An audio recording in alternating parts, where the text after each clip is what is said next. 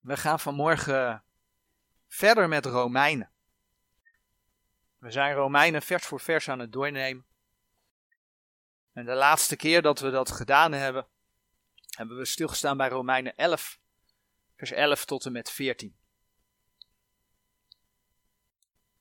En in Romeinen 11, vers 11 tot en met 14 hebben we gezien dat een groot deel van het Joodse volk over de Heer Jezus is gestruikeld. Ze hebben zich, zegt Gods woord, gestoten aan de steen des aanstoots. Maar ja, dan laat de Bijbel zien dat Gods toren over Israël gekomen is. Maar dat betekent niet dat de Heer voor eeuwig met Israël afgerekend heeft. Absoluut niet. Dat betekent ook niet dat de kerk Israël vervangen zou hebben. De Heer laat zien dat er een moment komt in de toekomst dat hij de goddeloosheden van Jacob gaat afwenden. Israël gaat tot bekering komen. We hebben gezien dat Israëls val door de Heer gebruikt is om ook de heidenen bij hem te brengen. En toen de Joden de boodschap over het evangelie verwierpen, toen ging deze onder andere door de apostel der heidenen, de apostel Paulus. Vandaar ook dat we spreken over de brieven aan de gemeente, de brieven van de apostel Paulus aan de gemeente. Ging de boodschap naar de heidenen. En daarmee wilde de Heer dat volk Israël weer tot nadenken zetten. Ze jaloers maken. En door de jaloersheid ze boos maken, want dat lees je in handelingen.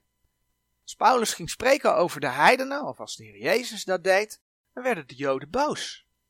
Maar op het moment dat iemand boos wordt, wordt hij wel nieuwsgierig. Gaat hij erover nadenken. Gaat hij vragen stellen. Dat is eigenlijk de bedoeling. En daarmee hebben we ook een parallel naar onze dagen gezien. De boodschap die tegenwoordig vaak verkondigd wordt is een, ja, Laodicea, lauw.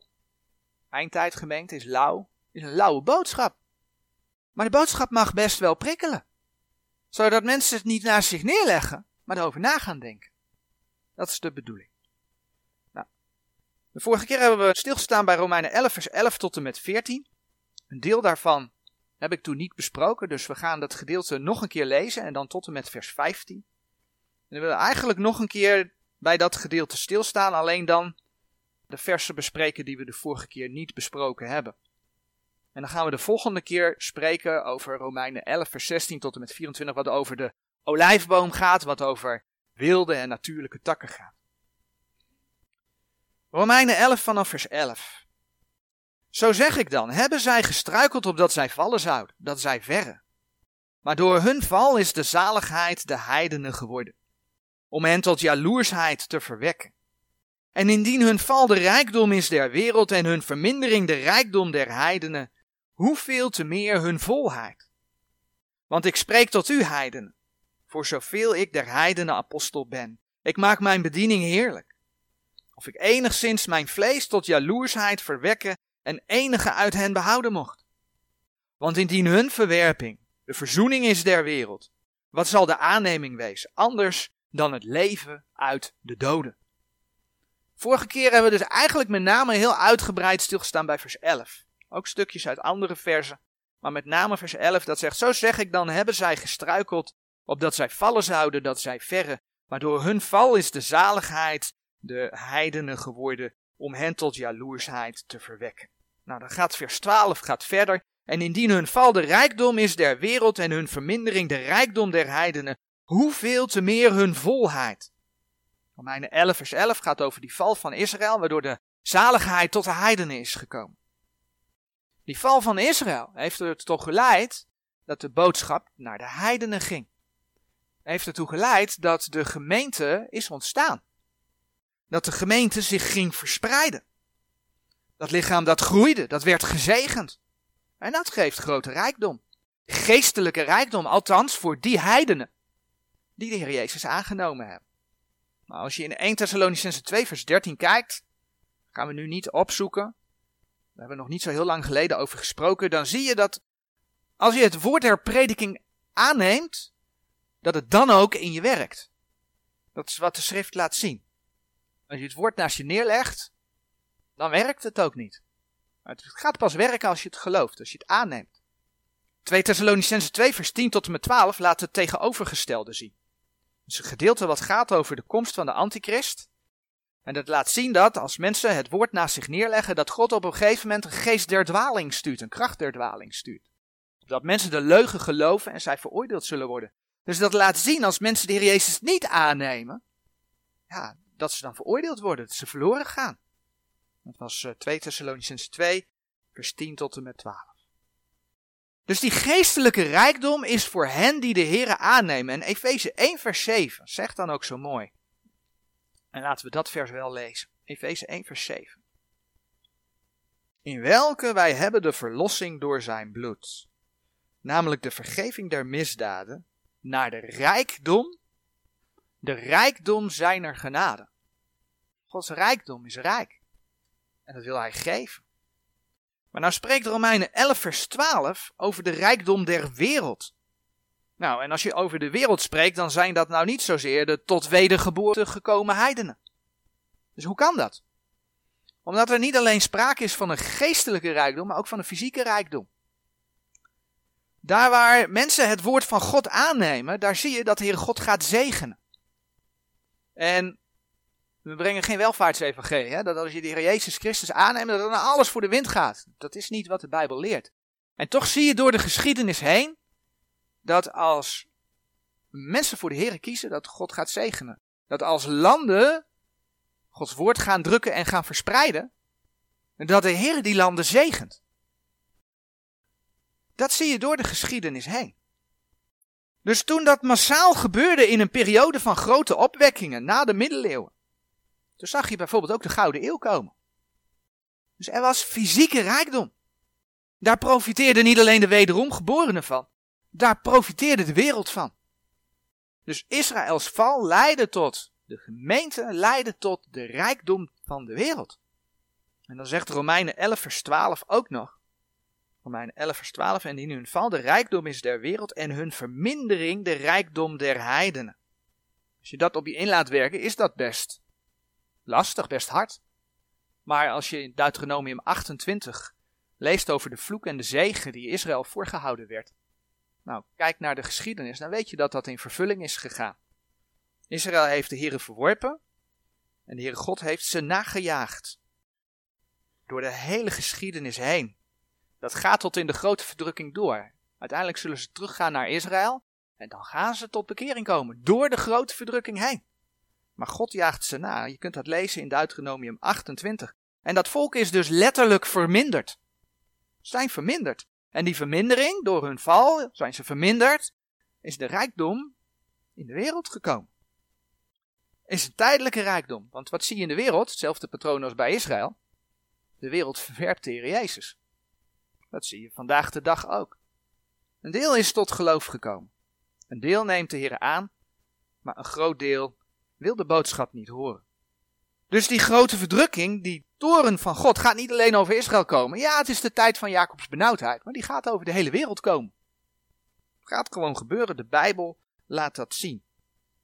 Nou, en het feit dat Israël kwaad aangedaan is, daar houdt de Heer de volken wel verantwoordelijk voor.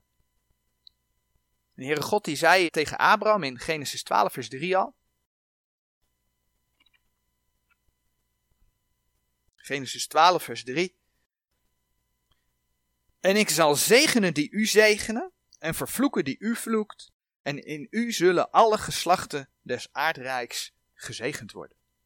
Dus dat betekent dat hetgeen de heidenen Israël hebben aangedaan, dat ze dat over zichzelf uitgestort gaan krijgen. Als je de profeten leest, dan lees je dat allemaal terug.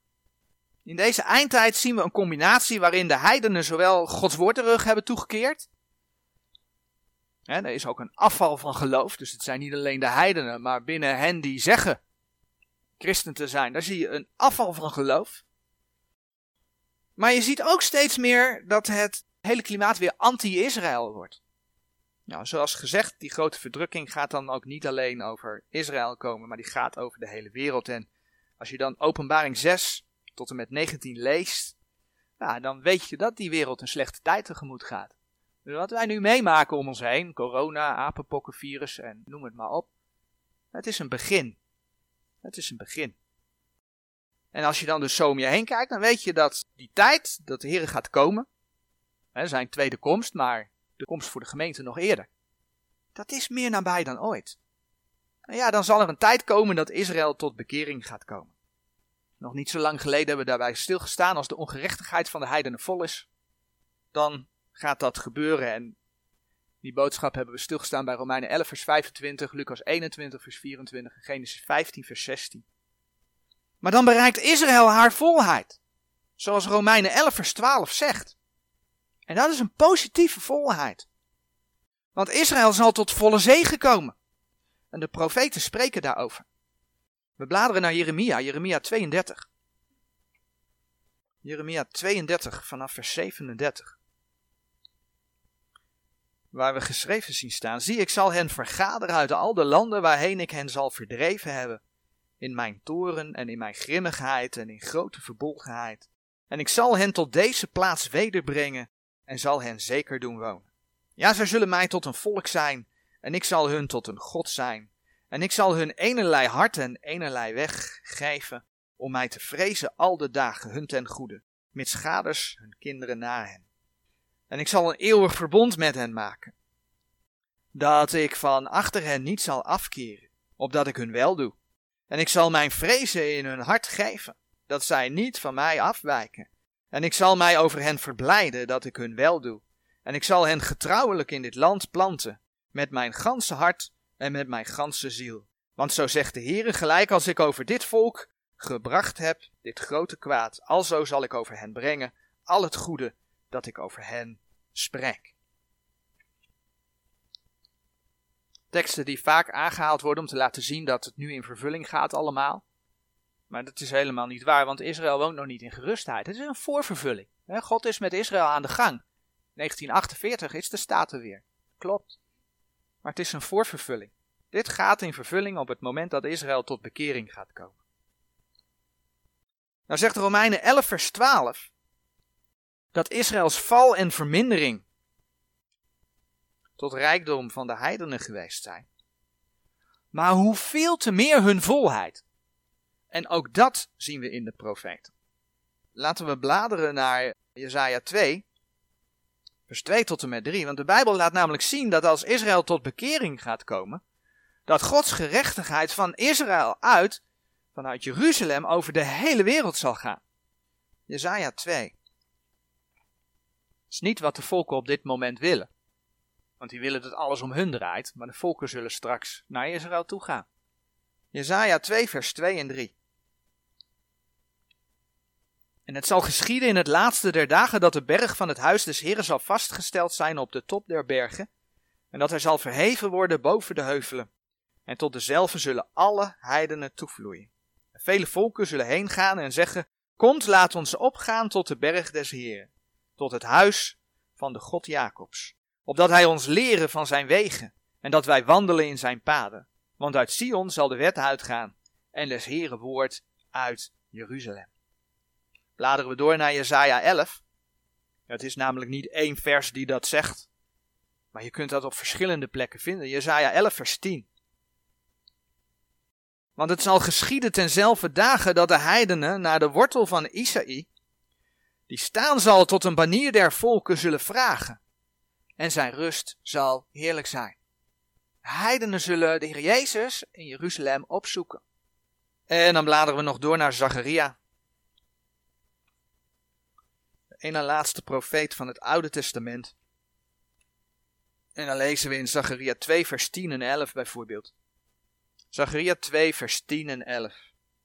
Juich en verblijd u, gij dochters Sions, want zie, ik kom, en ik zal in het midden van u wonen, spreekt de Heer.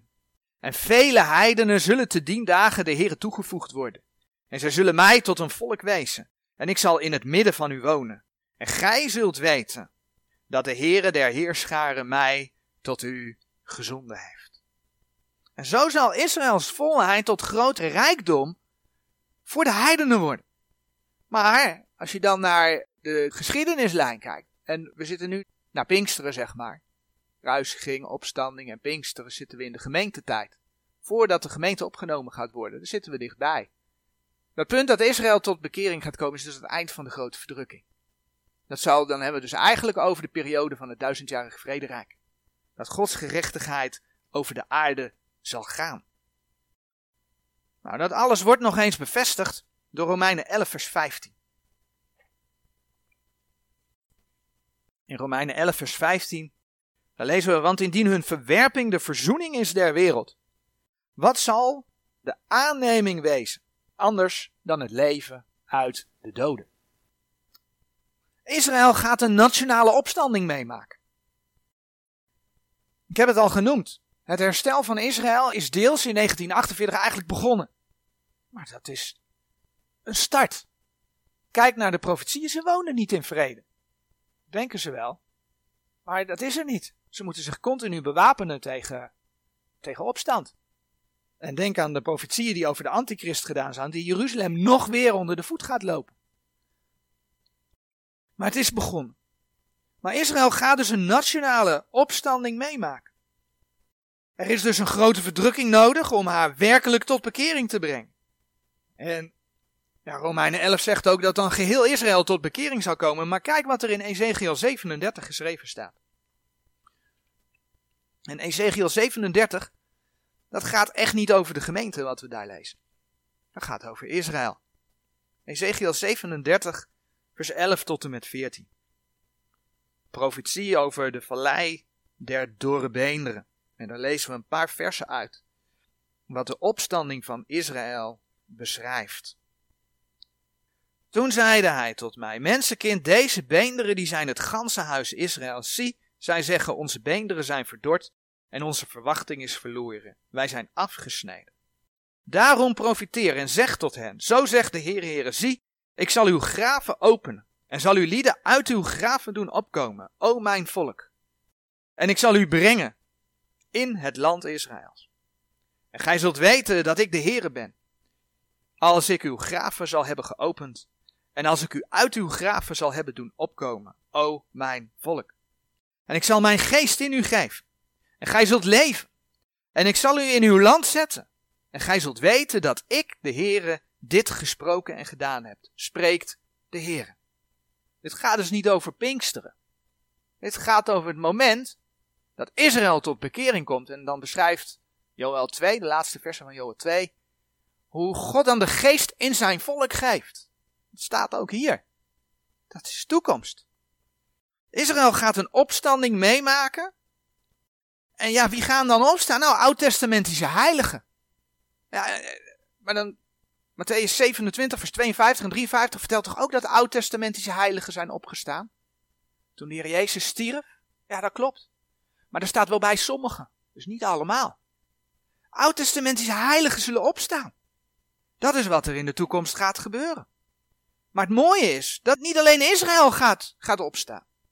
Weliswaar zeven jaar eerder. Maar het heeft wel met die eindtijd te maken. Gaan degenen die in Christus ontslapen zijn, 1 Thessalonicense 4 vers 16 en 17, die in Christus ontslapen zijn, gaan opstaan. En met degenen die levend overgebleven zijn, gaan de Heren tegemoet in de lucht.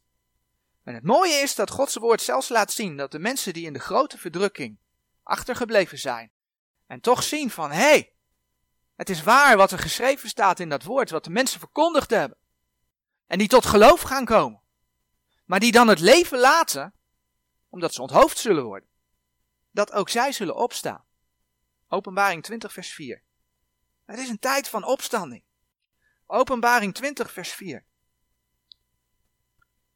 En ik zag tronen en zij zaten op dezelfde. Waar hebben we het over? We hebben het over openbaring 20 waar de duivel geketend wordt, gebonden wordt. En dat de Heere zijn duizendjarig vrederijk oprecht. En dan staat daar en ik zag tronen en zij zaten op dezelfde. En het oordeel werd hun gegeven. En ik zag de zielen dergenen die onthoofd waren om de getuigenis van Jezus en om het woord Gods. Daar heb je hem. En die het beest en de beeld niet aangebeden hadden. Het gaat dus echt om mensen die uit grote verdrukking komen. En die het merkteken niet ontvangen hadden aan hun voorhoofd en aan hun hand. En dan staat daar, en zij leefden en heersten als koningen met Christus die duizend jaren. Zij die onthoofd waren, zijn dus gestorven. Zij leefden en heersten met Christus de duizend jaren. Mooi hè? De aanneming van Israël, die aan het eind van de grote verdrukking gebeurt, leidt dus tot opstanding. Leidt dus tot leven uit de doden voor Israël en velen met hem. Amen.